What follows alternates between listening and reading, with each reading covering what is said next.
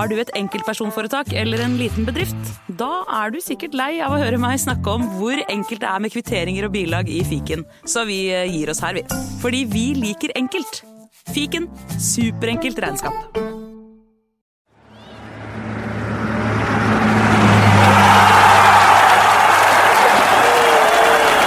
Denne podkasten er levert i samarbeid med Ford.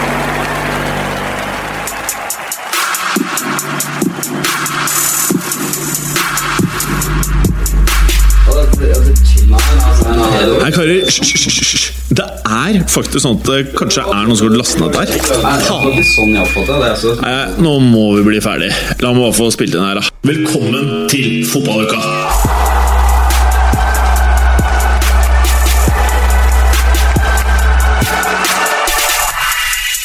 Ho, ho, ho, ho, ho. Litt sent ute med ho, ho, ho, kanskje? Eller sier man ho, ho, ho i romjula, Gallosen? Nei, det gjør man ikke. Men jeg sier ho, ho, ho. Første juledag er jo for så vidt romjula for oss. Det er vel Ja. da de sier ho-ho-ho i USA. Ja, de gjør kanskje det. Men jeg hadde valget om å si ho, ho, ho før episoden før julaften eller etter julaften. Og du kom på det først nå. Ja. Og det syns jeg er helt ok. Men Eh, eh, gledelig jul, kan du si. ja, gledelig romjul til alle dere lyttere. gledelig jul. Og gledelig jul til uh, dere, Boldis. Takk i like måte, Hårmann. Takk skal du ha. takk skal du ha. Uh, Gallosen, du sitter jo her i romjula med en aldri så liten fotballukadrakt. Ja, det kan jo være siste mulighet før vi skal holde på å si lodden ut, men Ja. sende den til en meget fortjent vinner av uh, forkonkurransen. Ja. Vi ble jo litt inspirert av Martin i den derre norske fotballpodkasten. eh, som da skal kåre vinner over nyttår. Eh, som da betyr at eh, eh, vi da kanskje åpner for muligheten til at folk kan fyre løs enda litt mer snacks.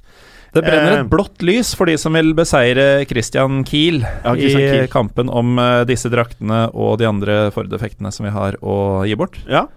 Um, Siste mulighet, gutter og jenter. Og jenter, ja. Mm. For fotballuka har jo et sted mellom 20 og 30% kvinnelige lyttere. Ja, jeg er litt usikker på hvor du får de dataene fra. Det er fra Spotify. Ja, øh, ja. Ja. Mellom 20 og 30% lyttere, så eh, Det er rådata, dette her. Ja, Det må være lov å si. Det er rådata. Eh, men uh, Gollesen, Ja. hva betyr jula for deg? Jula betyr masse fri fra jobb samtidig som det er masse fotball på TV. Ja. Og til sammen så er det en sann høytid.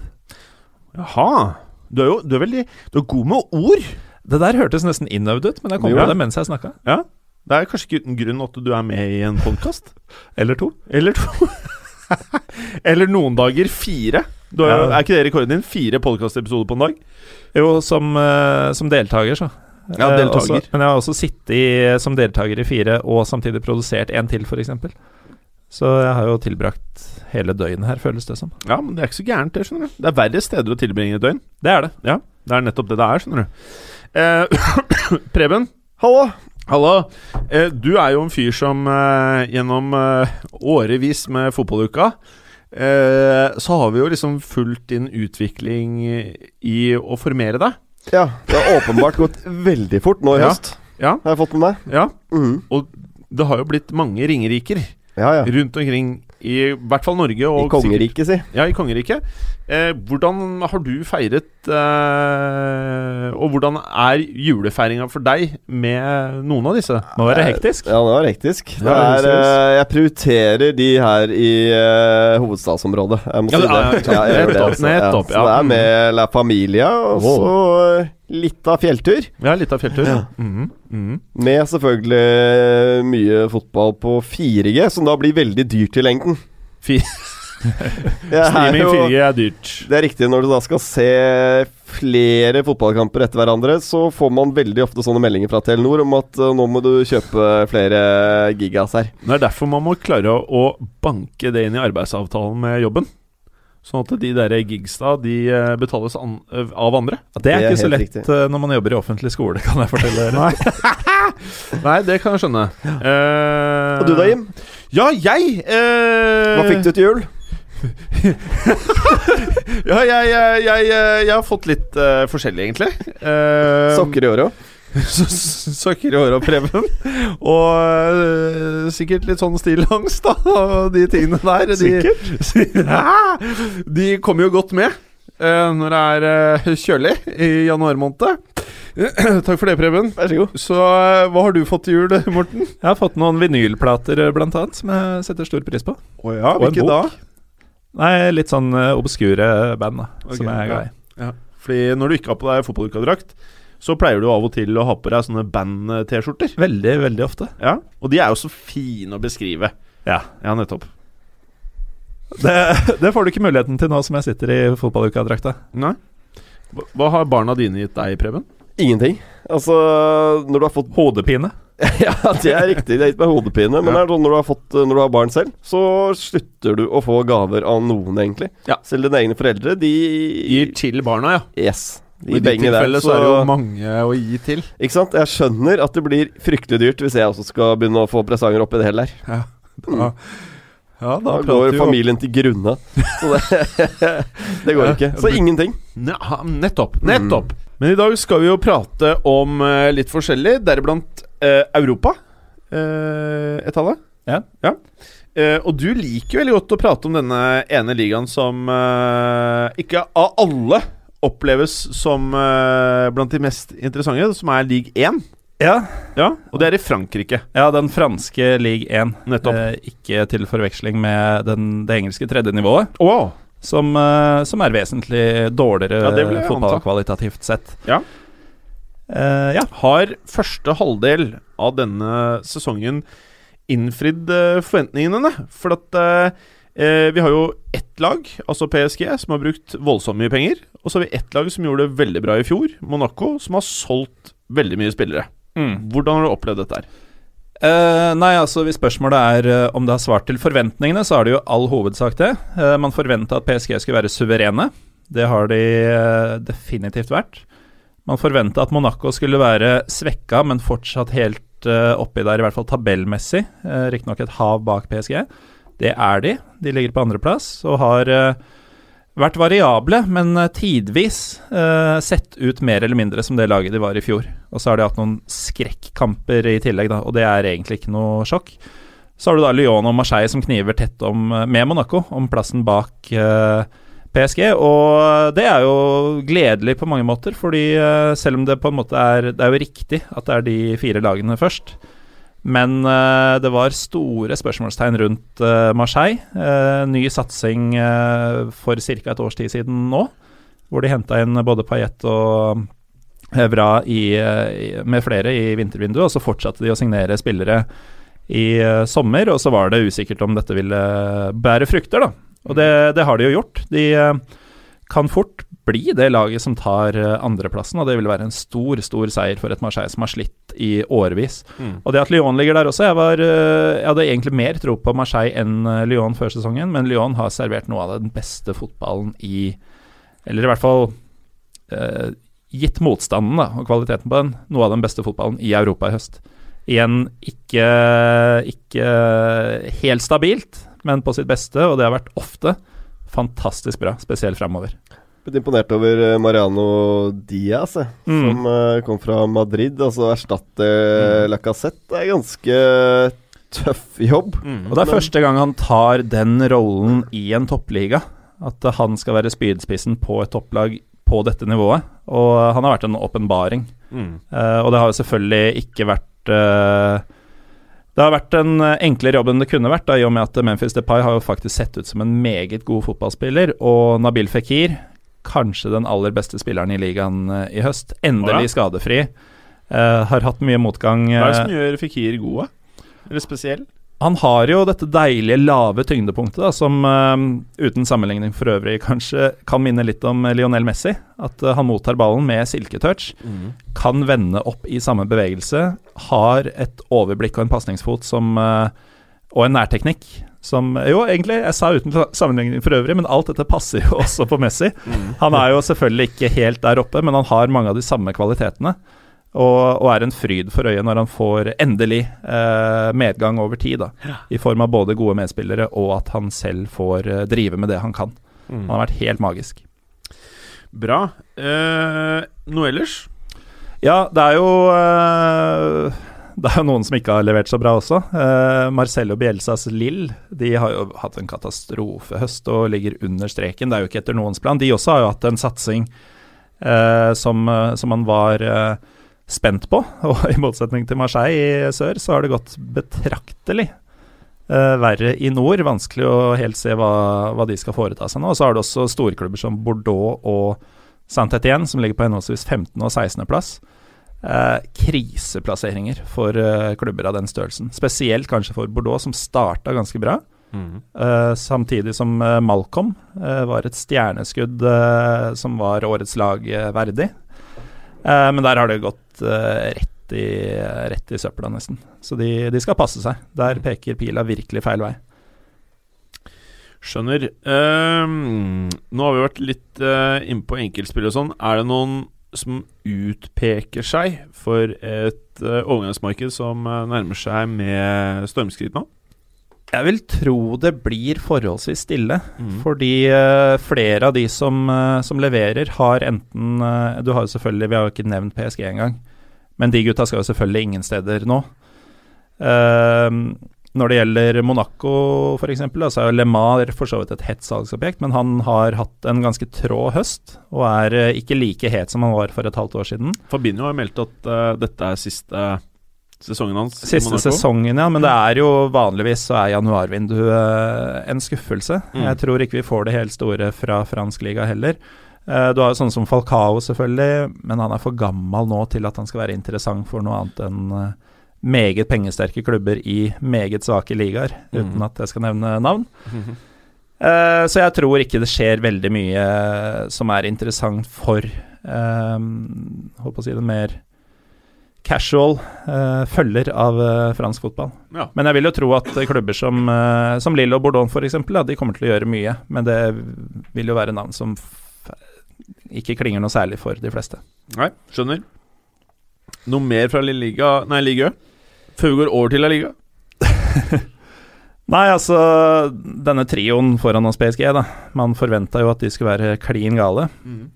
De har, hvis vi sier bare Mbappé, Cavani og eh, Neymar, Ja. og bare hopper bukk over gutter som eh, Di Maria, Draxler osv., så, videre, så har de tre 54 målpoeng seg imellom. Det er en del. Pent. Det er mye mål. Mye assister til hverandre også. Ikke veldig uventet, da. Nei. Nei, det er det ikke. Men, Men eh, det er Men kanskje mer enn hva jeg hadde trodd, skal jeg være helt ærlig. Ja, det ser jo ut til å være investeringer som har gitt dem akkurat det de var ute etter. For Altså- at, eh, jeg, jeg var eh, eh, Jeg føler ikke på noen som helst måte at jeg, jeg ikke mente at eh, Mbappé skulle fortsette utviklingen sin, men jeg, jeg var ikke klar over at eh, han basically føles ut som en uh, Som han er 25, Mm. eller 27. Han føles ut som at han eh, eh, er fem-seks år eldre enn det han faktisk er. Han ser så voksen ut, uh, Mm. både fysisk og, og i måten han spiller på. Så det er uh, Dersom de velger å gjøre dette lånet permanent, Ja. så, ja, det blir jo spennende å se. så kan det være en gullkantet avtale for, eh, for PSG for mange år. Bra. Eh, Preben La Liga. Ehm, nå vil jo kanskje de fleste si at det at eh, Barcelona leder og har vært såpass bra som de har vært, at det er overraskende med tanke på hvordan det var når man satt der i sommer. Eh, er det noe annet som har overraska deg? Er det noe som har skuffa deg? Hvilke taking points har du her? Altså, den åpenbare positive, altså, altså utrolig positive overraskelsen er jo uh, Valencia. Ja. Um, det er ikke uventet at uh, hevet laget da han kom inn. Ehm, det å få struktur på et fotballag er jo noe av det Marcelino er aller, aller best på. Og Valencia har alltid hatt en haug av veldig gode enkeltspillere som på en måte har svevd over hele banen, ikke hatt noe struktur å forholde seg til. Nå har de fått en stram og god 4-4-2-organisering hvor alle jobber for hverandre hele tiden. Veldig godt sammensatt eh, lag som vi har snakket mye om i høst i forhold til spillertypene de har. Er, Um, er, er det to-tre spillere her som liksom er litt stjerner, på tross av at det er lagprestasjon? Altså De som har stått ordentlig frem der, er jo først og fremst eh, Simone Sasa. Eh, altså Endelig så har jo folk eh, glemt straffemissen for Italia, som begynner å bli ganske lenge siden. Eh, Ti skåringer på 14 kamper nå eh, i høst. Eh, ja, det har eh, vært en eventyrhøst for Sasa, rett og slett. Og det er ikke bare målene han skårer, men han jobber som en bikkje for laget også. Uh, det er sånn boks-til-boks-spiss er jo et uttrykk man har etablert om eh, Sasa nå. Kjempesesong. Så er det Carlos Soler, da, som uh, jeg tror den de som følger stort sett mye med på Premier League, har nå har begynt å kjenne til navnet Carlos Soler, som har vært veldig god på, på høyrekanten til eh, Valencia. Mm. Eh, dabbet litt av i likhet med, med resten av laget nå de siste kampene. Eh, gått på et par smeller nå i løpet av de tre-fire siste, som har vært litt leie, og det er mot lag som de normalt skal slå, som Getafe, eller Hetafe og Eibar. Eh, burde gitt poeng, men håper virkelig at eh, Valencia holder oppe og eh, kommer tilbake i Champions League eh, neste år. Mm. Så det har vært en uh, stor positiv overrask uh, overraskelse. Et annet lag som jeg også må trekke frem, er Girona, Mm. som uh, jeg tror ikke var levnet veldig mye sjanser i eh, årets eh, sesong, men de ligger på en kruttsterk syvendeplass. Har virkelig imponert. Um, jeg trodde de skulle slite. Dette er jo mange måter hva skal jeg si, farmerlaget til Manchester City. Det er vel fem fem stykker, mener jeg, som pluss minus, som er på lån fra, fra City akkurat nå. Men de har først og fremst vært utrolig gode til å gjøre motstanderne dårlige. Mm. Eh, veldig god struktur også på det mannskapet der. Jobber knallhardt. Så er de kollektivt offensivt også bra. Eh, ingen stjerner av noen enkeltspillere. Altså Hvis vi skal kalle, snakke om stjerner i Girona, så er det Christian Stuani, som folk flest kanskje husker best fra Middlesbrough, hvor han på ingen måte tok eh, engelsk eh, liga med, med storm, men har vært eh, bra. Skåret ni mål nå i høst for eh, Girona. Tror jeg ikke det er mange som hadde sett for seg. Blir neppe Europa neste år, men eh, de kommer i hvert fall til å klare seg veldig veldig fint til La Liga, og det er en stor prestasjon i seg selv av lille Girona. Synger supporterne deres 'My Girona'? Det burde de. Men eh, det har jo vært eh, Den store negative overraskelsen er jo Real eh, Madrid. Altså mm, eh, Som jeg vel var inne på i forrige ukes episode også, så har jeg eh, til gode å se Madrid ordentlig gode, i hvert fall over litt tid. Det har vært eh, enkelt, enkelt her og enkelt der, men det er liksom som om hele laget har vært veldig sånn på 90% i hele, hele høst. Uh, begynte veldig lovende med, med supercup, eh, altså supercupseierne mot både Barca og var ikke Manchester United da, hvis jeg ikke husker fryktelig. Det begynner å bli veldig langt tilbake i tid. De så jo ut til å fortsette akkurat der de slapp i, i våres. Absolutt. Og Alcensio og Isco, som vi også var innom forrige, forrige uke, de, de, de så ut som de skulle bli de neste virkelige verdensstjernene, men de har i likhet Altså, de har bare dabbet av Mm. utover eh, sesongen her. Så hadde så har du Karim Benzema da, og Cristiano Ronaldo, som ikke har vært på det nivået som vi forventer å se da, spesielt i La Liga. Hadde de levert på det normale nivået vi har sett de siste seks-syv årene, så hadde Real Madrid, tror jeg, vært helt oppe i ryggen på, på Barcelona. Mm. Men de har et problem der, da, for de har ingen sånn direkte erstatter for f.eks. Karim Benzema. Eh, de mangler en sånn ordentlig spiss-spiss-type. Eh, mange gode spillere rundt der, sånn som Ascencio og Vasques osv. Typ som eh, Morata, kanskje? Type som Morata. Hadde mm. de trengt veldig den Mm. høsten her. Så mm, Er, er, er det noe vi kan eh, se at de hopper inn i overgangsmarkedet for å gjøre noe med? Det kan det være, men jeg tror ikke de spillerne de trenger, er mulig å riste løs nå. Så de, Altså- de går ikke for en sånn type Hontelar-løsning som de har gjort en gang tidligere, da? Det, det kan de finne på. Uh, spørsmålet er hvor desperate de er, eller om de har troa på at de skal finne tilbake til den formen de var med akkurat den samme stallen uh, på vårparten. Mhm. Så mm, vi får se. Men da har Gareth Bale vært veldig mye skadet også. Klarer de å få han uh, i kampform og la, at han får spilt litt over tid, så tror jeg det også vil hjelpe veldig på. Det vil se ut som et annet lag. Jeg har fortsatt troa på at når vi står her i Eller vi snakker om Real Madrid igjen i april, så skal de spille semifinale i Champions League og er kanskje Ja, de er tett i tett med Barca, da. Mm. Alt er mulig. Det er lenge igjen av eh, sesongen. Noen andre fotballag du ser for deg eh, som kan hoppe inn i eh, overgangsvinduet med store ambisjoner, sånn som det ser ut nå?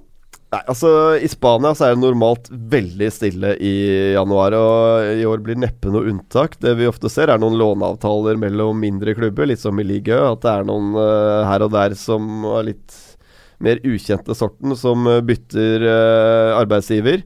Eh, vi får jo tilbake Diego Costa da, på fotballbanen. Det, det blir spennende å se hva det vil jeg meg gjøre.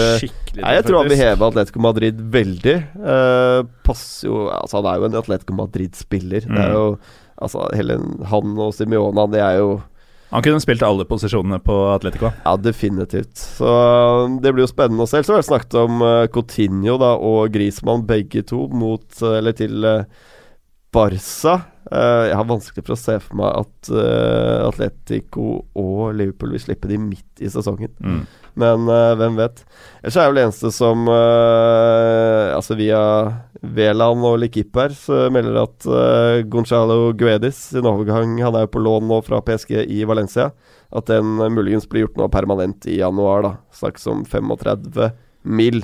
Uh, Guedis har vært strålende i Valencia, han også, som resten av laget. Noe annet fra La Liga? Nei. Eh, Bundesliga, Gallosen. Mm. Eh, vi har jo en eh, serieleder som eh, har sett ut på i hvert fall to forskjell, vidt forskjellige måter eh, i løpet av sesongen. Eh, nå er det vel mer lik seg, sånn som vi forventer at de skal være, kanskje? Det kan du si. De ehm, har opparbeida seg en 11 poengs ledelse som de ikke kommer til å kaste bort med, med Jupp ved roret, det kan vi si. Så jeg er jo tilbake i den uh, situasjonen vi var i for to år siden, og som jeg egentlig er vant til med mine ligaer, at uh, det er avgjort til jul, egentlig. At det ikke er noen reell gullkamp, og det er jo synd. For i fjor så var det jo faktisk uh, jevnt både i Bundesliga og Liga på denne tida. Men det var vel mer et unntak som bekrefter regelen, akkurat det. Uh, og da når Bayern leder med 11 poeng De har ikke sett fantastiske ut under Jupp Heynckes heller, men det er en eh, soliditet i det som gjør at de bare De gjør det de skal, og, og kommer nok til å bli bedre og bedre utover eh, sesongen. Og så har de jo da det at eh, lagene bak er fryktelig ustabile. Nå er det jo nært sagt tilfeldigvis Sjalke som overvintrer på andreplassen. Og så har de da Dortmund, Leverkosen og Leipzig hakk i hæl. Eh, Det er veldig jevnt i Bundesliga, bortsett fra toppstriden. Det er eh, seks poeng bare som skiller andre- og tiendeplassen. Eh, Så selv om det er avgjort på toppen, som det stort sett er, så er det som vanlig bunkers ellers. Så Bundesliga er fortsatt veldig gøy. Når det gjelder Bayern, så henter de jo nå, etter alle solemerker, Sandro Wagner. Ja. Som kommer til å være en meget solid backup til Lewandowski, og en sånn en fyr som nærmest kan gå inn og gjøre eh, samme jobben. En litt sånn First Price-utgave av Lewandowski, kan du si. Svær, eh, svært beist av en spiss som eh, både kan fordele ball, skåre selv, vinne dueller. Eh, han kommer til å få mye spilletid i ligaen når det spisser seg til. De har allerede full kontroll, og Lewandowski skal være klar til Champions League. Så han kommer til å skåre urovekkende mye mål. I og med at han har spilt for vesentlig dårligere klubber tidligere, så tenker man ikke kanskje at at det er en suksess automatisk, men han kommer til å gli så perfekt inn i det angrepet der. Eh, så de kommer til å se sterkere ut og ha enda en dimensjon der framme. Så det ligagullet er i, er i boks, men eh, bakfra så Bak der så kan alt skje. Mm. Eh, noe som eh, beveger seg i overgangsmarkedet. Har du noen følinger på noe som kan skje i januar? Det har jo vært eh, Ja, det har jo vært eh, en del eh, Blant annet Dortmund har jo skifta trener. Er det noen nye ting som kanskje eh, må på plass for at de skal kunne utøve den fotballen de ønsker? Ja, vi kan jo si litt om, om Dortmund. da. Det er jo rart å si det om laget på tredjeplass, men de er jo sesongens store skuffelse. Jeg med flere lanserte dem jo faktisk som en seriøs utfordrer denne sesongen, og det har de ikke vært i nærheten av. Og de ble jo ikke lansert som en seriøs utfordrer på ingenting. De hadde jo brukt ganske mye penger eh, og henta ganske mange spillere. Mm. Eh, hatt som akilleshæl i mange år at troppen er for tynn. Mm. Eh, hadde ikke det problemet i fjor, har i hvert fall ikke det problemet i år. Men det viser seg da at eh, elveren kanskje ikke er så bra som, eh, som den har vært i glansdagene. Så det er litt vanskelig å si om de skal prøve å bygge videre. Nå har du fått inn Peter Støger, som er en lagbygger og ganske mye mer pragmatisk i Hva er spillet. meritten hans, eller hvor er det han, eh, hva er det han har drevet med tidligere? Han øh, drev jo Köln til øh, Europacup i våres. Øh, første gang de er i Europa på 25 år. Det er for så vidt også samme mann som har kjørt dem til bånns denne sesongen, men han har starta med to seire på to kamper, mot Hoffenheim og Mainz. Og de har sett mye mer solide ut uh, jevnt over. Altså det er, det er mindre lek og fjas som det, som det var under Peter Boss. Og uh, han har fått banka inn uh, ideen om at det å faktisk forsvare seg og grinde ut litt resultater er mer eller mindre like givende som å, som å feie over motstandere med den risikoen som det bærer med seg. Eh, så jeg tror nok at eh, Dortmund blir litt sånn litt kjedeligere enn vi er vant til å se dem. Mm. Uh, men at de får en trygghet i laget som vi kanskje ikke har sett siden ja, tidlig Tuchel-perioden, kanskje. Men jeg vil gjerne trekke fram For å svare på spørsmålet ditt, jeg vet ikke om de kommer til å kjøpe så mye. Jeg tror de kommer til å, å sitte med den gjengen de har, i stor grad. Eh, og igjen da så tror jeg ikke det er de store overgangene. Jeg nevnte Sandro Wagner går jo for 12-15 millioner euro, uh, som er en ganske stor sum mellom tyske klubber. Uh, det kan fort bli den største overgangen i, til Tyskland, i hvert fall. Men jeg vil gjerne trekke fram Augsburg, som veldig, veldig veldig mange tippa rett ned. De ligger på niendeplass og har ligget høyere. Og de har faktisk Hvis dere skal gjette, da én spiller i eller Den spilleren i ligaen som ligger nærmest Aubameyang og Lewandowski på toppskårerlista, så kunne dere sitte her til i uh, ja, Det hadde aldri kommet ut. Nei. Det er Alfred Finnbogason Ja. som har eh, elleve skåringer. To, seks av disse har kommet i løpet av to kamper. Da. Han har to hat trick og har følgelig skåra fem mål på resten av kampene spredd over. Men han har jo elleve til sammen og er eh, to bak eh, Aubameyang og tre bak Lewandowski, hvis jeg husker riktig. Det er jo grotesk. Mm. Uh, og lagkameraten hans, Philip Max, har ni målgivende. Det er tre foran nestemann på lista. Ja. Så eh, Augsburg har både overraska Vet du som hvem som lag er neste på lista? Uh, Det har jeg ikke foran meg akkurat nå. Sikkert en uh, Bayern Munich. Kan fort være. Mm. Uh, og så er det da at uh, Mario Götze han, eh, Hvis han hadde fått spille mer eh, Som vanlig så er det litt skader og litt sånn kluss med han, men de gangene han har spilt, så har han vært meget, meget bra. Og veldig mange sier at uh, han er en åpenbar høstens lagkandidat, hadde han hatt noen flere minutter på banen. Så det er jo gøy å se, da, for de som ikke Hva er misliker grunnen til at han. ikke har spilt mer? da? Er det stil, eller? Som nevnt, uh, en del skadeproblematikk som, som du alltid får med, med gutset. Og Kingsley Coman også har vært strålende for øvrig. Eh, kanskje ikke så overraskende gitt eh, den sesongen han hadde for to år siden, men han stagnerte liksom litt i fjor. Nå er han på full fart framover igjen, og det i en tid hvor eh, Robben og Ribberi stadig fases mer og mer ut. Så det er eh, heldig for eh, Bayern. Mm. Bra. Eh, noe siste der fra Bundesliga? Nei, jeg, nevnte så smått eh, Köln, eh, et lag som eh, kvalifiserte seg til Europa for et drøyt halvår siden. De ligger nå desidert sist. De har seks poeng, vunnet én kamp. Neste lag på tabellen har 15. De er ni poeng bak etter halvspilt liga. Det er Kjørt. Det ser ganske kjørt ut. Heftig. Hmm. Skal vi gå over til Serie A, Preben? Kan snakke litt om det, altså. For den ligaen der, den uh, blir Den syns jeg bare blir bedre og bedre for hver eneste sesong nå. Etter å ha vært ganske langt nede for eh, ikke mange år tilbake. Så mm, en av de mer interessante ligaene å se fotball fra, syns jeg i hvert fall. Ja, for at, eh, det er jo en motsetning til veldig mange andre ligaer i Europa. Så er det en hvor det er eh, veldig spennende. Og hvor det er veldig lite poengtap som skal til før uh, topp tre endrer plassering. Akkurat nå så er det jo helt umulig å si hvem som skal stikke av med, med, med ligatittelen til slutt. Det er jo få poeng som skiller uh, Roma og Juventus og Inter og ikke minst Napoli, som ligger eh, oppe i, i toppen der. Uh, Lazio også er jo fortsatt med. Uh, for Lazios del så tror jeg det Altså Den gapen blir litt for stor til slutt. At det blir tøft å, å komme seg inn på en eh, Champions League-plass. Men uh, jeg, jeg tror vi får spenning helt inn i Serie A, og det trenger Serie A også. De trenger at noen utfordrer den tronen til eh, Juventus. Mm.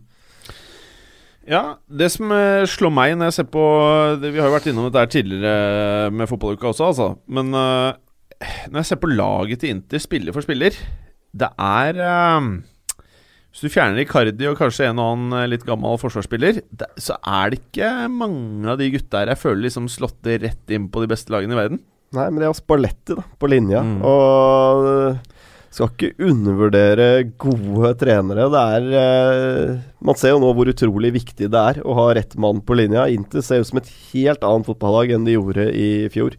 Eh, jeg også overrasket, selv om jeg vet at Spalletti har kommet til da han stort sett har suksess overalt hvor han er. Så, så er jeg overrasket over at det ser så bra ut for eh, Inter som det faktisk gjør.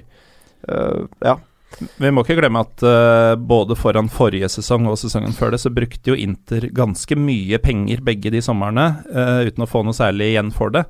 Så Spalletti har jo tatt over en, en tropp med veldig mye gode spillere, som bare ikke har blitt satt sammen til et lag ennå. Og det er jo der han har hatt muligheten til å kjøre inn eh, de magiske fingrene sine og tweake litt og sånn. Uh, og så har han da gjort et par signeringer som har vært midt i blinken. Akkurat det som mangla i troppen, i form av Emilian Skriniar uh, spesielt. Uh, men også Vesino på midtbanen, som har gått inn og brakt litt fysikk og Hva skal vi kalle det? Ehm, Pondus. Pondus til, eh, til Ja, midtbanen. det er det på banen, og så er det utenfor banen. Det virker som Inter-gutta trekker i samme retning. Det har ikke alltid virket som det har vært sånn i Inter tidligere. At det er nå mer en enhet da, som gjør noe sammen, istedenfor flere grupperinger innad i laget. Så det kan ha virket som utenfra, da. Mm. At det har vært eh, tidligere i Inter. Så det er spennende å se hvordan, hvor lenge de kan holde dette kjøret Inter. Um, de har jo Icardi på topp, og det hjelper jo å ha toppskåreren i Serie A på laget. Tidligere i jula her så tangerte han eh, legenden Giuseppe Meazza med eh, 17 mål på de 17 første i, i Serie A. Så um, Giuseppe. kanskje nye stadion til Inter en gang i tiden vil hete eh, Mauro Icardi rakkeren, verre Stadio Mauro. Icardi. uh, ja Så har du Milan, da. Vi kan snakke litt om uh, broren, holdt jeg på å si. Mm. Eh, De som egentlig skulle være gode av de to. Ikke sant? Det er stor skuffelse. Vi, altså, vi og mange andre roste jo sommerkjøpene opp i skyene. Følte at de kjøpte riktige spillere i riktige posisjoner i forhold til det systemet Montella ville spille. Ja. Mer feil uh, går det vel ikke an å ha på en, en spådom. De har jo rett og slett ikke vært gode nok, uh, for å si det rett ut. Bonucci ser jo plutselig helt uh, ordinær Serie A-spiller ut. Ja, i beste fall. Ja, I beste fall, ja. Eh, offensivt så syns jeg det er ekstremt lite kreativitet. Eh, det er litt sånn tregt og tungt lag. Mm. Eh, mangler noe med fart, teknikk, som kan gjøre noe. Det er altså Bonaventura sånn er en ganske god fotballspiller, men det er noe sånn tungt og tregt Mm. over det. Eh, Jeg kikka litt på dem eh, nylig, da de eh, fikk skikkelig juling av Verona. Ja. Og én ting var at det var vidåpent bakover. Eh, et midtforsvar med Romagnoli og Bonucci. Det, det, skulle så, ikke tro det. nei, det så ut til å være Mario Samundsen og Simen Kinn Michaelsen. Uh, men i tillegg da så hadde de jo ingenting offensivt. Det var uh, gi ballen til Suso, håpe at han uh, rundlurte bekken og fikk lagt inn eller skutt. Utover det så var det fullstendig planløst. Silva har jo vært en kjempeskuffelse. Ja, Eh, Kalinic nesten enda verre. Ja, Kalinic enda verre. Eh, nei, det er, og det er spennende å se hvor dette ender for Milan, for konsekvensene av eh, hva skal jeg si dårlig fotball over tid her kan bli ganske dramatiske for Milan når vi vet hvordan denne klubben er finansiert. Mm. Det har vi snakket om i mange andre podder tidligere, men går det sportslig åt skogen her, så kan det dra med seg fryktelig mye for Og det er synd for en eh, klubb som AC Milan, da, som burde vært eh, bankers i kvartfinalen i Champions League hvert eneste år. Bra. Uh, ser du for deg noe action i transfermarkedet her, da? Nei, Jeg må være så kjedelig å si at jeg tror ikke det blir de store overgangene eh, for noen, egentlig. Jeg, jeg tror det der januarvinduet tror jeg Premier League er litt spesielt. At Skjer det noe nå i januarvinduet i fotball Europa, så er det Premier League. Pengene sitter løst. Jeg tror det blir veldig stille og fredelig i Italia. Litt låneoverganger her og der, Mm. som i veldig mange andre ligaer. Mm. Bra. Ehm, jeg tenkte vi skulle se bitte lite grann du, du var jo innpå her nå, Preben. Eh, I England så er det jo eh, litt action når eh, januar kommer, eh, vil noen hevde. vi kan jo håpe, i hvert fall. Vi kan håpe. Eh, kan vi ikke starte litt med deg, Gallosen? Er det noen lag i Premier League du mener burde bare blæste cash? Ikke da at de ikke har gjort nok av dette i sommer, men eh, er det noe mer som burde gjøres i januar? I så fall, eh, hvem burde kjøpe hvem? Jeg vet ikke om løsninga for noen Premier League-klubber er å blæste mer cash, uh, som du sier. Det har vel eh, samtlige nærmest gjort, uten uh, Det er vel svært få av dem som, uh, som føler at det var verdt investeringa. Eh, så jeg, vet, jeg ser ikke for meg at det blir noen sjokkoverganger til store summer der heller. Som vanlig i England så vil jeg tro at det er de eh, si sju-åtte nederste klubbene som gjør de mest oppsiktsvekkende signeringene. Uh, og så tipper jeg igjen at det vil vise seg når vi ser at uh, si Stoke har henta ikke David Louis, men en sånn halvveis aktuell for laget innimellom Chelsea-spiller, f.eks. Så sperrer vi opp øya og sier Oi! Nå blir det, nå blir det sexy Stoke Alone her. og så blir det ganske fort tydelig hvorfor vedkommende ikke var mer aktuell for Chelsea enn han var. Ja. Uh, og da selvfølgelig en god deal for selgende klubb som, uh, som selger til en Premier League-klubb, og da får mer penger enn spilleren er verdt. Sånne vil vi nok få noen av. Men uh, det er jo alltid noen morsomme rykter om mer eller mindre sexy navn. Da. Altså, Mm. David Louise har jeg sett vært rykta til Newcastle. Det hadde vært kjempegøy. Det hadde vært sykt fett. Det høres fryktelig merkelig ut. Ja, Det, det Ja. høres helt idiotisk Det hadde vært men veldig gøy. Det hadde vært eh, det, Jeg den- ønsker å bite meg bare fast i det, at det er en mulighet. For Ja. det. det er for gøy, og øh, det er en spiller som uh, kunne Han er jo egentlig på et nivå Eller han er aktuell for klubbene som er nivået over, og kanskje to nivåer over Newcastle. Mm. Men Newcastle er jo den klubben som plutselig gjør det, og David Louis er plutselig en spiller som kan finne på å gjøre noe sånn strange, føler jeg. Ikke sant? Uh, det er jo um, Det er jo uh, sant, og så er det jo synd at uh, Colocini ikke er der lenger. Ja, det er veldig synd. stoppeparet der. Tenk den, du! Helt nydelig. Mye kort, mye galskap, taklinger, blod. Ja, men han har jo dessverre dratt til San Lorenzo i hjemlandet for lenge siden. Ja, så det- dessverre. Mm. Mm. Men jeg tror kanskje vi kan få ordentlig spending av noen klubber. Du har jo van Dijk, som eh, Jeg tror fort han kan bytte klubb i januar. Mm. Men hvorfor vil de selge i januar, ikke sommeren som var? Det har gått et halvt år til. Eh, mer surmuling. Så tror jeg det er en del klubber som eh, Altså, du har vel både Chelsea her, City her og Liverpool, som ganske åpenbart er eh, interesserte. Uh, jeg tror det kan bli snakk om å sikre seg han. Mm. Eventuelt lage en deal i januar, og så heller fullføre overgangen til sommeren, f.eks. Ja, og så tror jeg at Southampton ser at uh, selv med van Dijk så har de ikke fått den sesongen de hadde håpa på. De er et godt stykke fra, fra øvre halvdel. Mm. Og uh, ofte så er jo klubber som virkelig vil ha den og den spillertypen i januar, ganske desperate, så det kan være god butikk for dem å gjøre, gjøre dette nå, faktisk. Ja, jeg ble tatt penga, så jeg Ja. var uh, Southampton i dette tilfellet her. Jeg det- tror også det er et snev av sjanse for at Danny Rose kan forsvinne til Manchester United. Ja, fordi det virker jo ikke som eh, at han egentlig eh, blir verdsatt noe særlig etter alt det som skjedde i sommer. Nei, det er Ben Davies som eh, foretrekkes. Mener du, mener du at det er sportslige årsaker, eller det som skjedde? Nei, altså Danny Rose har jo ikke vært den spilleren han var i fjor. Og så kan det være mange årsaker til det. Han var skadet i eh, over et halvt år, så det det kan jo ha satt han en del tilbake. Um, men så har jo Pochettino vist uh, tidligere at folk som ikke er 100 lojale, da er uh, veien til utgangsdøra relativt uh, kort. Men jeg, jeg- tror det er veldig riktig også, jeg, da. Det tror jeg også. Ja. Jeg tror det nesten må være sånn at det Mm. er én sjef, og sånn er det. Du følger Du må være lojal til det opplegget vi har. Mm. Eller så kan du finne på noe annet å drive med. Og Danny Rose har vært lenge i Tottenham. Eh, ganske åpenbart at han har ønsket av flere andre klubber. Kommer det et høyt nok bud, så tror jeg han blir uh, At det er mulighet for at han blir solgt, i hvert fall. Eh, noe annet kan det Kan vi se um, Godeste, vi var jo innom det tidligere, holdt jeg på å si. Sanchez Øsil. Ja, de går jo inn i Bossmann-tiden nå, Ja. og uh, Det er flere av de.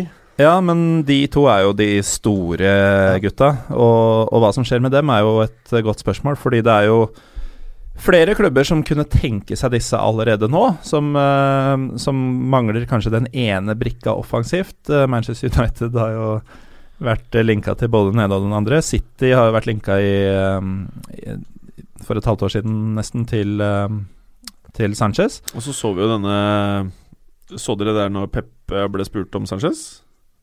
Nei. Intervjuet? Nei. Eh, da spurte presten Ja, hva tenker du, Pep? Eh, er Sanchez aktuell i januar? Da choker han faktisk. Mm. Han helchoker og bare ser ned og blir, eh, som man sier på engelsk, eh, flustered. eh, Og sier bare eh, I do not know about these things, og så stikker han. Eh, Så det er jo åpenbart at Guardiola er keen på Sanchez, og så er liksom bare spørsmålet da Og angivelig skal Sanchez ha sagt nei til 21 mill. masse penger i Kina. Så er spørsmålet klare Wenger å shippe han overseas, da. Det er åpenbart deres mål. Ja, og det gjelder vel egentlig begge to. Uh, dette er to, uh, to karer som uh, Arsenal egentlig gjør lurt i å selge nå i januar. Fordi jeg tror ikke det finnes sjanse i havet for å få noen av dem til å signere en ny kontrakt, Nei. sånn som ståa er nå. Og da er det jo Arsenal er jo er vel den toppklubben som har solgt flest til andre toppklubber i England. Eh, jeg tror fort at én av dem eh, spiller i en annen Premier League-drakt. eh, Hvilken Når- tror du det er mest sannsynlig? Jeg ser for meg Sanchez til City, altså. Ja. Mm. Og det, så ja. Jeg tror det er viktig også for Arsenal er å bare få avklart situasjonen rundt de gutta, så de vet hva som skjer resten av sesongen, da. Fra februar og utover. Enten om de går allerede nå, eller at de skriver kontrakter med andre klubber, så folk i hvert fall vet Mm. hva de skal. Så de slipper den derre spekulasjonen. Hver eneste pressekonferanse så får jo Wenger spørsmål om dette her, til det har kommet en avklaring på det, da. ja. Det er tap-tap for Arsenal, da, fordi de kan enten tviholde på dem, la dem gå gratis og bare alt de har investert i lønn og overgangssum for disse spillerne, ut på sjøen. Eh, ikke henta noe særlig med trofeer i den tida heller. Eh, eller så kan de uh, cut their som de sier. Selge for mer eller mindre symbolske summer, sånn som fotballen har blitt eh, i dag. Men bli kvitt støyen også. Sitte igjen med en harmonisk gruppe som forhåpentligvis trekker i samme retning. Men tror dere, hvis de lar de to gutta gå, eller én, tror dere at det er mulig for dem å få Champions League? Jeg er ikke sikker på om det er det med dem heller. Nei. Jeg- Men du er enig at eh, Eller eh, hevder du at eh, det er større sannsynlighet for at de kan få Champions League uten dem? Nei, det hevder jeg ikke. Nei, Så det er ikke sånn at du mener at det, det er ro de trenger? De ønsker, for at det, Om de får 10 eller 15 eh, pund hver av de gutta der I moderne fotball nå, når du prater om 90 mil for Thomas LeMar Altså det, det, det å ha en mulighet for å få Champions League Jeg tror liksom det er det som kommer til å stå høyest i kurs. Spør meg, da. Jeg tror det er det som er viktig for eh, Arsenal. For at eh, de gutta her skal gå uansett. Det føles ganske åpenbart. Mm. Eh, og til sommeren da skal du ha noen som helst mulighet til å For at det, nå er det ikke lenger sånn, føler jeg, at Arsenal kjemper om de samme navnene som City, United og Chelsea. Nå kjemper de om de samme navnene som Liverpool og Tottenham. Og det kan være litt vanskelig å innrømme for Arsenal-fans, men det er der jeg føler det ligger, da. Har du ikke Champions League, så tror jeg ikke uansett om du nå plutselig bestemmer deg for å bruke penger, og om Wenger plutselig, plutselig stikker, med mindre du får inn en, en Ancelotti eller en annen type trener som kan sette seg ned med spilleren og si at eh, 'Believe in this project, it will be good'. Eh, skjønner du hva jeg mener? Som personlig kan eh, prate med spillerne han har trent andre steder og si at Hør på meg, vi henter inn fem karer, dette blir bra, bare, bare signer. Ta pengene, det er bra, alt, ro deg ned. Med mindre du får til en sånn type greie, så tror jeg at uten Champions League, så tror jeg faktisk, og det høres litt absurd ut, så tror jeg eh, både Liverpool og Tottenham vil stå foran i rekken for å få signeringer enn Arsenal til sommeren. Ja, og det snakket vi om eh, forrige uke også. Mm. eh, at det så lenge ting er uavklart Mm. i, i Arsenal, så er det bare en negativ ting. Og Det gjelder jo selvfølgelig de to stjernene vi har snakket om, men også Wengers situasjon. Mm. Vi er nødt til å avklare ting tidlig, for det er nesten umulig å få nye spillere til å bli med på dette greiene her, uten at man vet hvem som skal lede laget neste Mm. sesong også. Ja. Uh, men vi har også Ross Barkley. Ja, Den jeg situasjonen der uh, kommer vi vel til å få avklart nå i uh, januar. Uh, lite som tyder på at han blir i Everton. Eh, Det har ikke vært så mye prat rundt han heller. men Nei, jeg hadde bokstavelig talt glemt det. Ja, Chelsea eller Tottenham tror jeg er det aller mest sannsynlige. Mm. Chelsea eller Tottenham. Det er de som Tror hvertfall... hva skal Chelsea med han, da? Et, Ja, det Tottenham, det kan jeg se, på en måte. Men Chelsea ja, Chelsea vil åpenbart ha den. Jeg, jeg tror jo det er en god signering for uh, alle toppklubber, jeg, altså. Og for Ross Barkley. Eh, kommer han inn i rett miljø, Uh, i, et, i en treningshverdag som, hvor det er høyere nivå, rett og slett, på treningene, så tror jeg Ross Barkley kan bli den spilleren man kanskje trodde han kom til å bli. For han har jo veldig mye av de kvalitetene man ser etter. Altså fysikken hans. Eh, god fysikk, veldig god teknikk, har et godt skudd. Eh, bra overblikk også. Han har det aller meste i, eh, i kassa for å bli en, eh, om ikke verdensstjerne, jeg skal Oi. ikke si det, men å bli i hvert fall en eh, god squad-spiller, og få Mm. mange kamper for en toppklubb, det tror jeg absolutt. Chelsea har jo også god erfaring med den type midtbanespiller som kan være litt overalt og avlevere noen, eh, noen skuddforsøk og pasninger. Vi husker jo åssen Frank Lampard Ja. eh, Som igjen da ikke var av verdens beste spillere, men du verden for en impact han hadde på den klubben. Der vil Lionel Messi være veldig uenig med deg i. Eh, han ble jo spurt i et ganske sånn Noe som ble bitt merke til i et intervju. Hvilke spillere ville du henta til Barcelona? Da var Frank Lampard øverst på den lista, faktisk. Så øh, kanskje du ser noe Messi ikke ser? Kanskje Messi spørres om et år når uh, Barkley har herja for, eh, for Chelsea, og eh, sier at han er den spilleren jeg helst vil hatt til Hvis han ikke snur i døra. Barcelona. Igjen. Det kan det Kan det kan være. Men uh, en ting som ikke har så Det er indirekte påvirkning på Premier League, men det er jo at uh, keeperen med det passende navnet Kepa, uh, Arizabalaga, Ja. uh, er sterkt ønsket av Real Madrid, og det ryktes at de vil uh, gjøre dette set, Få den avtalen i boks så fort vinduet åpner. Mhm. Det eh, vil Han har en klausul på 20 millioner euro, som er forholdsvis eh, rimelig hvis han er det som Real Madrid tror han skal være, da. Det ville være godt nytt for United-fans, som da vil slippe å lure på om David De Hea skal gå dit denne gangen. Med mindre du tror på en annen fryktelig eh, kommersiell uh, overgangsrykte, som er da at eh, de skal ha Kepa og enten Courtois, som ikke ønsker å fornye med Chelsea, eller David Ja. Jeg vil ikke forundre meg om Madrid går for en sånn løsning. Ja. Kan godt være. det er bare Noen ganger så skjønner du ikke hva som skjer, men det kan skje. Ja da. Jeg har jo spart mye penger nå de siste åra. Ja, det er litt Det, du, Det er mye det smeller i- på et eller annet tidspunkt. Så sitter man og bare Hva skjedde Peres nå? bare ser på bankkontoen og ser at her er det så mye cash nå at her må vi bare få gjort noe. Ja, Da må vi ha en tre-fire keepere i verdensklasse. Er det noe annet uh, i Premier League av overganger som uh, uh, kan skje, eller som vi ønsker skal skje? Jeg ser jo Steven Nsonsi nevnes i diverse rykter også. Eh, vi kan jo ta en runde på Vi kan jo ta en tipperunde, rett og slett. Hvilken engelsk klubb havner Nsonsi i i eh, januar? Arsenal. Der er han er sterkest linket. Altså sånn er ferdig i Sevilla Mm. etter krangelen han hadde med Berizzo i pausen i, under kampen mot eh, Liverpool. Det lå under 0-3. Tatt av banen da i pausen og har ikke spilt siden. Han eh, sier rett ut at han er ferdig i Sevilla. Er det, Eh, ha- er det han som sier at han er ferdig, eller sier klubben at han er ferdig? Han er den som har gått ut offisielt og sagt han er ferdig. Er Fordi at han er klubben forbanna, eller Nei, klubben vil jo ikke bruke han. Altså, Britzo vil jo ikke bruke en sånn si. Så det forklarer jo igjen hvorfor Sevilla igjen er etter Sander Berge for å komme inn der. For de Nei, det forklarer ikke at de er Nei, ute etter får, Berge. nei jeg, jeg ser det. Men de pusher i hvert fall hardt på å få Sander Berge. Uffa, Så får vi se. Eh, men en sånn si eh, Jeg kan se for meg han inn i Arsenal, og det tror jeg er en kjempesignering for Arsenal. Jeg sier Liverpool, jeg, da. Ja. Og du, da, Jim? Eh, Crystal Palace, eller? Tenker jeg kan gjøre en liten ryddejobb der, bak alle de offensive stjernene. Plutselig spiller han i Westham eller Palace. Der, er Ja. uh, Newcastle henter han samtidig Altså Alle som satt og bare Hva skjedde når Caballé dro til uh, City? Ja. Nei, Palace, mener jeg.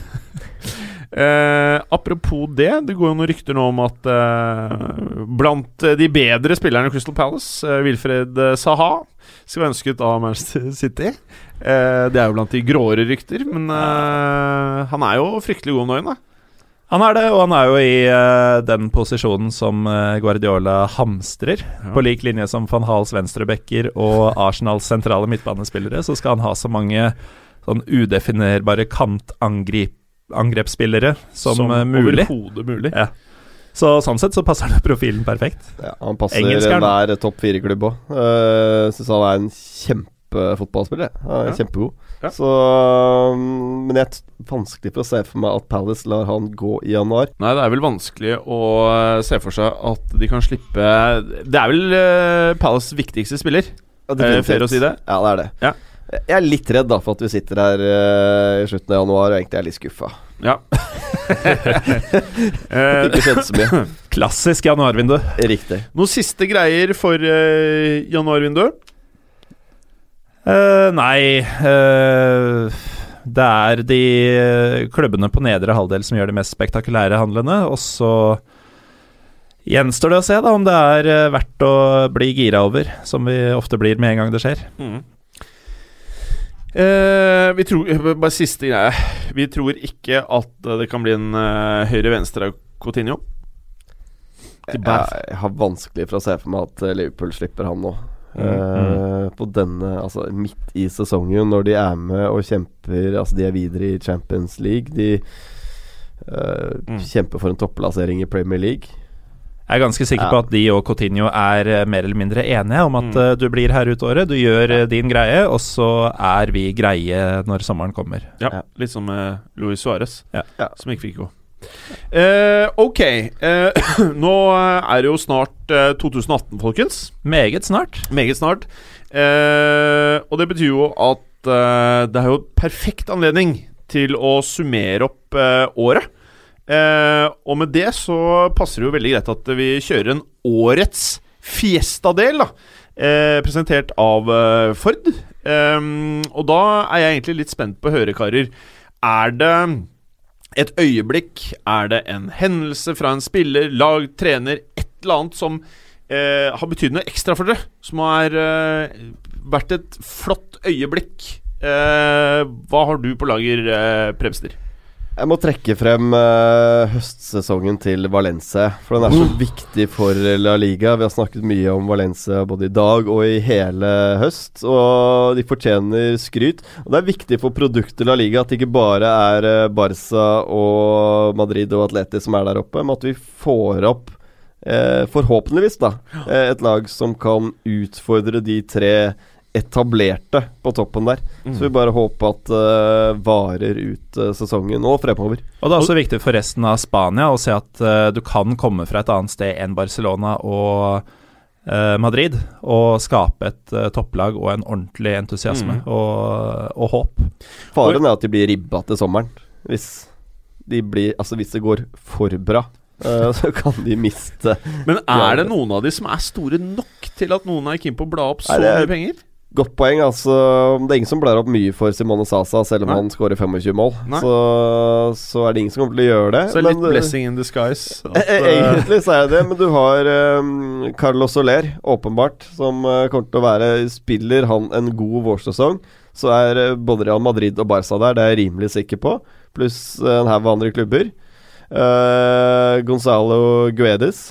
Eh, Fortsetter han også, så kan han fort bli veldig interessant for en del andre klubber. Kondogbia, faktisk. Kan bli eh, interessant. Så har du Gaia på venstrebekken. Har vært fin i flere år, han. Ja, selv, i, selv i vanskelige tider. Så har han stikket seg ut. Hvordan vet du dette her, Aasen? Jeg følger litt med, sjøl. du. Du gjør det, ja? Ja. Du begynner sakte, men sikkert å åpne kanalene inn til spansk fotball, eller? Ser Ja bare ikke på topplagene. Ja, bortsett fra Valencia. da. Bortsett fra Valencia. Nei, men Gaia definitivt kommer til å være het eh, mann. Eh, Vi vet jo hvor vanskelig det er å få tak i gode venstrebacker. Og han er en moderne back. Han er jo lik eh, Jordi Alba på veldig mye i stilen. Ja. Ehm, og så er det noe med det at med Valencia De har jo egentlig alltid, så lenge jeg har fulgt med på La Liga, spilt en veldig fin fotball. Ja, Og det gjorde de faktisk i fjor òg. Det Ja. var jo jeg tror det var de første fire-fem kampene i fjorårssesongen hvor de hadde desidert høyest possession i La Liga. Hadde flest avslutninger, null Mm. poeng. Uh, altså, det var Det var fint og flott å se på, men udugelig i begge 16-meterne. Ja. Og det har jo Marcelino fiksa.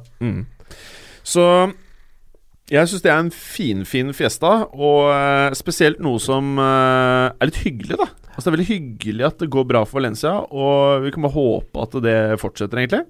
Eh, og det feteste som kan skje, er hvis det på en eller annen merkelig måte viser seg at Valencia vinner ligaen. Tar en lita Leicester. Ja, det hadde vært så gøy. Det var gøy. Altså, da Og ingen av oss er Valencia-fans, det må vi bare si. Hvis, Nei.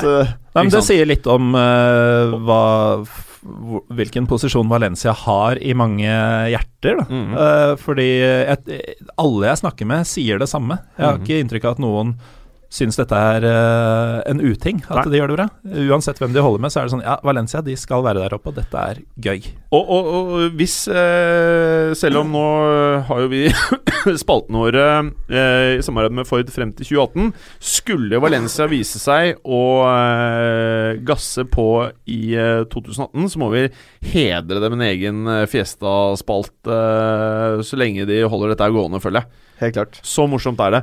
Eh, Gallosen, har du noe eh, på hjertet i denne Fiesta-delen? For de som eh, har hørt mye Fotballuka, Mm. og for dere to som etter hvert kjenner meg ganske godt, Ja, så er det vel, det vel spenning. Det er vel ingen overraskelse at vi skal utenfor topp fem-ligaene i uh, Europa på min uh, desiderte eh, årsfiesta. Og ikke bare årsfiesta, men tiårsfiesta. Tror jeg vet hvor vi skal. Det, ja, vi skal ikke så langt fra studio. Eh, Ti minutter med tog, eh, nærmest. Vi skal selvfølgelig 30, kanskje? eh, 2017-sesongen til Lillestrøm. Det er så mye å ta tak i. Ja. Det er den største underdog-historien jeg kan huske å ha sett i norsk fotball. For et år siden så mista eller kvitta Lillestrøm seg med samtlige spillere som hadde snev av talent. Erstatta dem med umeritterte folk fra første- og andredivisjon. Uh, Alexander Melgalvis hadde aldri spilt høyere enn uh, førstedivisjon med Strømmen. Han var 27 år da han ble henta til klubben. Eh, flere sånne. Arne Erlandsen har da skapt et lag som hadde alle odds mot seg. Skulle egentlig vært nede før sommerferien. Det høres ut som eh, treneren. Holdt, pla ja. Holdt plassen eh, mer eller mindre med glans. Og så ender de da med å vinne klubbens første trofé, bli norgesmester, i den siste kampen i det året de fyller 100. På 25-årsdagen til Kanarifansen. Det er for mye på en gang. Men Og- Arne har jo vært der i mange år. Hva hadde skjedd hvis han hadde vært der hele perioden? Tatt en Wenger, da. Eller Ferguson. Ja, nei, det hadde det gått? Det hadde nok ikke gått. Det var vel en grunn til at han forsvant, uh, forsvant som hovedtrener, i hvert fall, i, uh, etter 2004-sesongen. Men han kom jo da tilbake avskrevet av mange, akkurat som uh, spillertroppen. Og så motbeviser de både meg og hele kongeriket. Frode Kippe fyller 40 år i januar. Han løfta pokalen i 2007, sist klubben vant noe, som 29-åring. Da ble han omtalt som at han begynte å bli for treig. Er han midtstopper? Han er midtstopper. Han gjorde det samme nå igjen, ti år seinere. Eh, samme tempo som, eh, som den gang. Og han er kaptein og hele den greia der? Han er kaptein og hele den greia der. Ja, ja. Han, eh, Han ser litt sånn eh, han er fra Kolbotn. Du ser ikke for mye norsk fotball, Jim. Det, Nei. nei. det han- han- skinner rimelig greit gjennom nå med de spørsmålene Men det er vel ikke noe hemmelighet, det. Jeg, jeg vil jo helst ikke ha norske spillere i Real engang, jeg, men, Men uh, for meg så er jo kombinasjonen da av hvordan dette har skjedd, uh, og uh, mitt eh, relativt store hjerte for denne klubben, mm, det gjør at det er ikke tvil om hva som er min årets fiesta. Der, ja. Men si meg eh, Hvis vi nå skal sette dette her Lillestrøm-greiene litt i perspektiv Vil du si at eh, Du sier at det er en veldig veldig stor prestasjon. Er det Lester-prestasjon, holdt jeg på å si?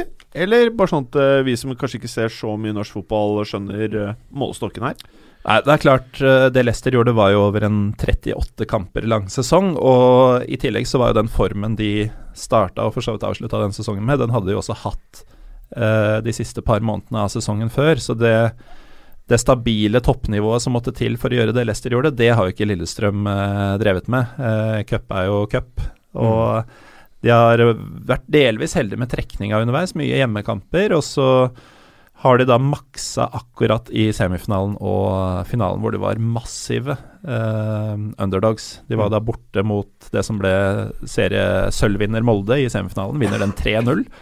Eh, og Sarpsborg tok jo tredjeplassen i ligaen, uh, møtte dem i finalen og slo dem også.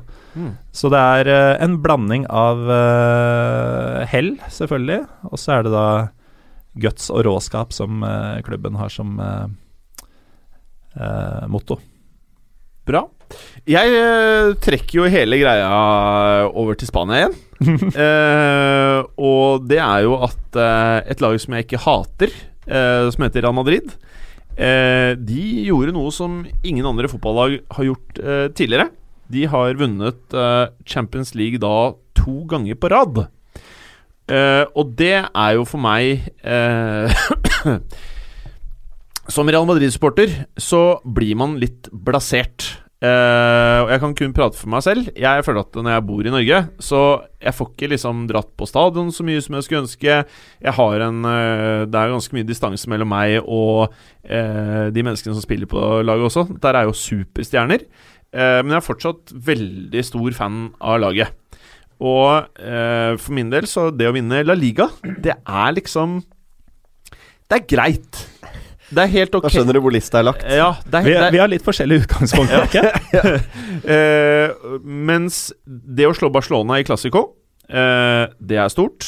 Det å uh, spille en god kamp mot Barcelona, om det er i Classico, Europa, cup, uansett, kjempeviktig. Ja, selv Copa del Rey der er jo Alt, viktig. Ja. alt, bare alt mot Barcelona er kjempestort for meg. Eh, og det Jeg tror kanskje spillerne har mye av samme innstillingen. da Ja. Ja. At å vinne La Liga er greit. Ja. Men det er eh, Champions League, det er der lista ligger. Ja. Og så er det litt sånn at eh, når man da klarer eh, For at Real Madrid gjorde det skrekkelig dårlig i Champions League i mange, mange år. Det var først når Mourinho kom, at man faktisk da begynte liksom Ok, nå har vi i hvert fall noe av selvtilliten tilbake og klarte å gå litt utover i turneringen. Eh, så før det så var det kraftig underprestering eh, fra laget. Og det var en tung tid å være Real Madrid-supporter, uansett hvordan det gikk i La Liga. Det var, mens når du da er i en posisjon nå De har et eh, år hvor de ikke har spilt eh, Eller i hvert fall en sesong i La Liga nå hvor det ikke går kjempebra. Eh, så er jeg litt uaffisert. Og det er litt rart å melde. Og det eneste som egentlig står i hodet på meg, eh, det er hvordan blir det med årets Champions League? Og klarer de tre på rad? Eh, og jeg føler kanskje at hvordan de spiller i ligaen, ikke nødvendigvis gir meg noe mindre håp for Champions League. For at, eh, som jeg prata om tidligere, Preben, så er det jo sånn at eh, når eh, resultatene skal leveres, så er ikke jeg i tvil om at du kommer til å se en helt annen innstilling av de gutta her. Jeg eh, tror Ramos kommer til å kjøre huet først i taklinger om han treffer knær, føtter, steng Altså mål, holdt jeg på å si. Det, han kommer til å gi gass. Og jeg tror Ronaldo har en helt annen motivasjon når du kommer utover i eh, eh, Champions League-turneringen. Og jeg tror også at eh, de fleste spillerne kommer til å levere A-gamet sitt, da. Eh, så fiesta-øyeblikket mitt er jo da eh, noe som ikke vært gjort tidligere i en fotballverden hvor det er eh, blitt ekstremt uh, mye penger, og det er mye konkurranse om uh, å komme langt i Champions League-turneringen. Så dette her er for meg det største som har skjedd uh, fotballmessig ever. Så høres det litt fjernt ut fra liksom vi prater om Lillestrøm og det greiene der. det kan Ja. man si. Men så skulle jeg ønske Jeg har mange ganger prata om liksom vært veldig gøy å ha et norsk lag å holde med. Men så fort jeg bare ser fem minutter, da, så liksom bare ah, Nå går det en realkamp uh, i morgen, eller noe sånt. Et, det blir det, liksom. Så for meg, stort øyeblikk, og det største jeg har opplevd uh, fotballmessig ever, da. Eh, skal vi bare runde av årets siste episode av Fotballuka med litt eh, frampek? Eller eh, hva vi på en måte håper, tror, eh, ser frem til eh, av øyeblikk i 2018, Preben? Ja, for meg da flytter jeg oss over til Italia. Og så håper jeg av hele mitt hjerte at uh, Napoli tar dette hjem. Da tror jeg vi får se ganske ville scener. Uh, og som vi har vært inne på, Serie A trenger noe nytt. Vi trenger en ny klubb som vinner. Jeg håper eh, virkelig at det blir uh, Napoli som, eh, som vinner til slutt. Tror du det skjer? Jeg tror det er meget god mulighet for det. Det tror jeg absolutt. Ja. Jeg sier ja, jeg tror det. Nettopp. Veldig bra. Eh, er det noen enkeltspillere i Napoli som må holde seg skadefrie, som må levere akkurat det de leverer i dag, hele veien? Det er Hamsik, da. Som er eh, motoren i laget, som har vært der lenge. Eh, tangerte vel eh, Diego Maradona Ja, nå, eh, i jeg antall skåringer. Eh, Riktignok noe flere matcher enn det Maradona trengte på dette her. Det er en lojal fotballspiller! Veldig. Han kunne jo vært i en annen toppklubb for lengst. Han Men, er det eh, viktig i litt creds, altså. Ja, Se Hamsik eh, løfte pokalen for Napoli. Han har Mm. vært et uh, stort øyeblikk. Mm. Eh, Topp tre? Ja, øh, jeg skal jo igjen holde meg på Romerike, fordi oh. i øh, ly av kongepokalen Ja. så skal jo Lillestrøm ut i Europa for første gang på ti år. Ja. Og mine to hovedinteresser, fotball og reising, Ja. skal nå kombineres på en måte jeg aldri har uh, opplevd før. Oh. Og jeg vet jo at det blir med én, maks to kvalikrunder før vi er ute. Mhm. Men det betyr også at det er ordentlig, ordentlig svake lag som eh, Lillestrøm kan trekkes mot. Og det betyr at det kan bli tur til Moldova eller Georgia eller Færøyene. Altså noen sånne ordentlig grisgrendte strøk som For er noen så høres jo det ut som et uh, Mareritt. Slipper å dra til storbyene Madrid og Etter at jeg virkelig tok opp uh, reising, da, uh, som da var etter at Lillestrøm var uh, i Europa sist, så har jo den ultimate drømmen min vært å få oppleve Lillestrøm på bortebane i Europa. Og det skal jeg nå til sommeren. Fett. Det høres jo unektelig kult ut. Eh, jeg, jeg føler at jeg egentlig starta spalten, det var egentlig det jeg ønsket å si. da At eh, jeg håper Real Madrid eh, eh, ikke gjør så mye transfers til januar. Men eh, i etterpåklokskap så skulle jeg ønske de kanskje ikke solgte Morata. Eh, ikke fordi at jeg mener at han er den ideelle spissen, eller noe sånt, men han var den ideelle spissen for Madrid eh, som en backup. Det var, det var helt ideelt, og så har han sikkert selvfølgelig ikke ønsket å ha en sånn type rolle fremover, og det er jo fine. Eh, men jeg eh, ser frem til et eh, 2018 hvor eh, Hvor Madrid finner tilbake til formen. Og jeg, jeg, jeg ønsker å se Ronaldo på topp i mange år til, men jeg føler litt at det Champions League vi ser nå, dette blir det eh, Champions League hvor eh, vi kommer til å se Ronaldo på topp motivasjon. Jeg tror han fremdeles kanskje ikke i farten er der sånn som tidligere, men jeg tror vi kommer til å se at han kompenserer på med, med alt andre han har, eh, og at han klarer å eh, få på plass eh, de goalene som skal til for at de faktisk klarer eh, å ta tre Champions League på rad. Og da føler jeg også at han har sjans, og det er den eneste muligheten jeg ser for meg at Ronaldo har sjans til å få en ny Ballon d'Or. Uh, som da er det som er greia her. Jeg føler også at dette er det siste året hvor det står mellom kun Ronaldo og Messi. Og år, neste år, så, altså 2019, så tror jeg det vil være nye spillere som blander seg inn Helt i. Ballon d'Or-trekningen. Så for Ronaldo sin del, da, bare for at uh, jeg ønsker at han skal sitte igjen med flere Ballon d'Orer enn Messi, de er jo på 5-5, så er Messi, Messis form i årets La Liga er på et såpass mye høyere nivå enn Ronaldo at de må hevde seg i eh, Champions League. Og så kan internasjonale turneringer med, med landslag også bety noe, men jeg tror den Champions Leagueen her avgjør om også Ronaldo kan heve eh, trofeet eh, Ballon d'Or. Det tror jeg er riktig. Det er litt sånn synd at vi går mot slutten av den ordentlig Messi-Ronaldo-duellen. da Det er litt Den er i ferd med å bare visne mer og mer for Ja. hver måned som går, egentlig. Ja. For nå kommer det opp noen nye navn her som utfordrer den uh, tronen. Ja, og jeg blir, begynner å bli Og jeg, jeg har satt veldig pris på det så lenge det har vart. Og vi har sagt det år etter år i fotballuka. At det sett pris på den tiden. Vi er privilegerte. Ja, selv om det er kjedelig at vi kun har prata om disse to spillerne eh, som eliten. Dette her tror jeg vi aldri får igjen. Dette er, du ser det i gamle tennisverden også. Ja. Når det var to stykker som klarte å pushe hverandre over flere år, så fikk du de der topp topprestasjonene.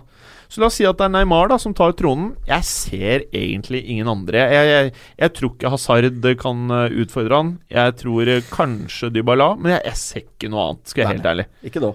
Jeg gjør ikke det. Eh, Mye kan skje mye kan skje, mye kan skje. Og derfor så tror jeg I hvert fall det jeg skal gjøre. Jeg skal sette pris på hver kamp jeg ser med Messi og Ronaldo. Jeg skal se, uh, sette pris på alt av uh, oppgjør i Champions League med de to spillerne her. Og så håper jeg at selvfølgelig at Real Madrid klarer å gjøre det som nærmest føles litt sånn utopi, da. Å ta det tredje Champions League på rad. Du ser veldig klar ut til å si noe, Gallosen. Nei. Nei. Eh, noen siste ord eh, til lytterne der ute som har eh, vært lojale og hørt på oss år inn og år ut i forkant av det nye året?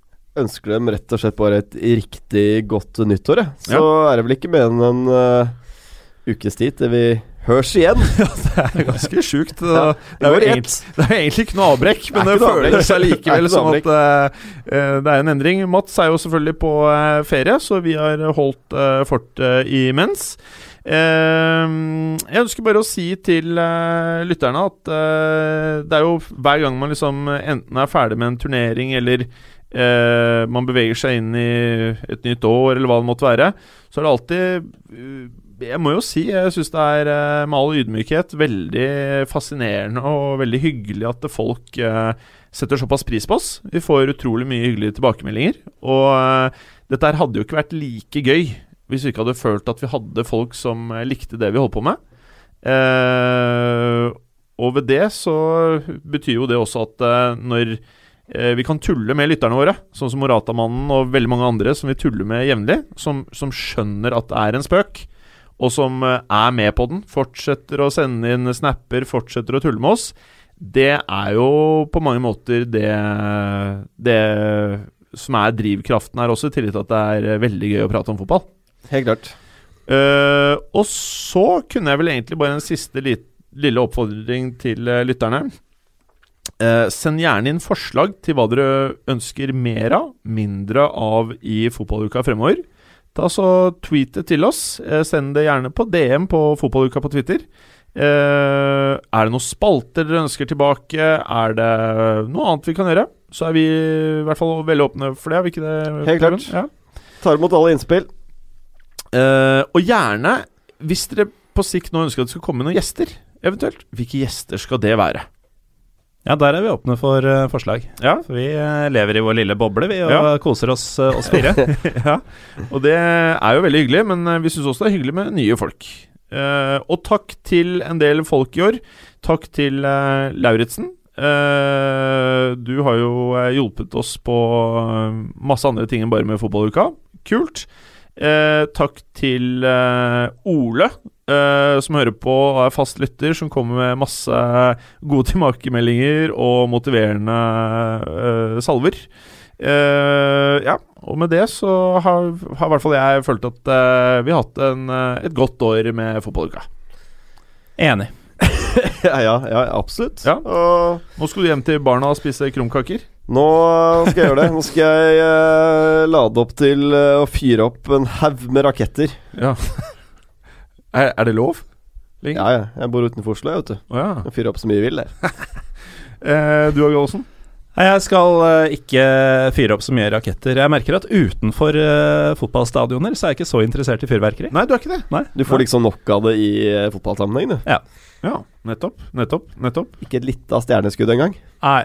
Det, er det ikke innafor stadion, så er det ikke verdt det. Men uh, Kan dra på Åråsen og fyre raketter, da. jeg skal jo Det kan kanskje være noe spesielt. Det er jo bare ti minutter unna, apropos frampek. ja. ja. ja, nei ehm, Jeg skal feire nyttår med god mat og godt lag. Og eh, så skal jeg se raketter. Og håper at eh, lytterne også har en eh, strålende nyttårsfeiring. Bra. Kanskje får du deg noen Tinder-dates eh, på selve nyttårsaften.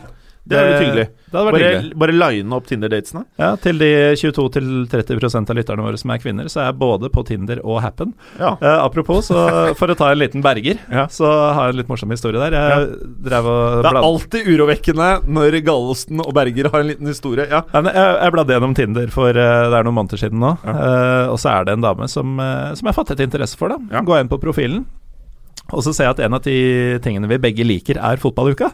Å!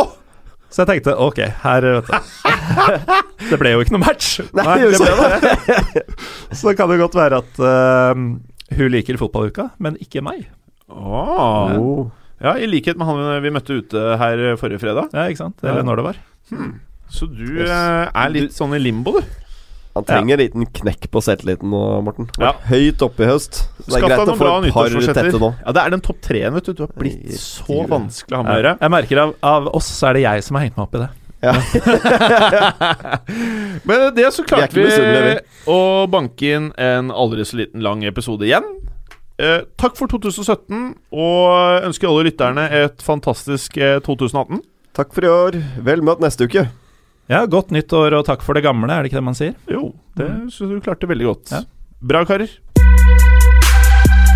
Takk for at du hadde høre på. Vi er Fotballuka på Twitter, Facebook og Instagram. Følg oss gjerne. Ses neste uke. Men bare få høre. Den tror jeg blir litt fet.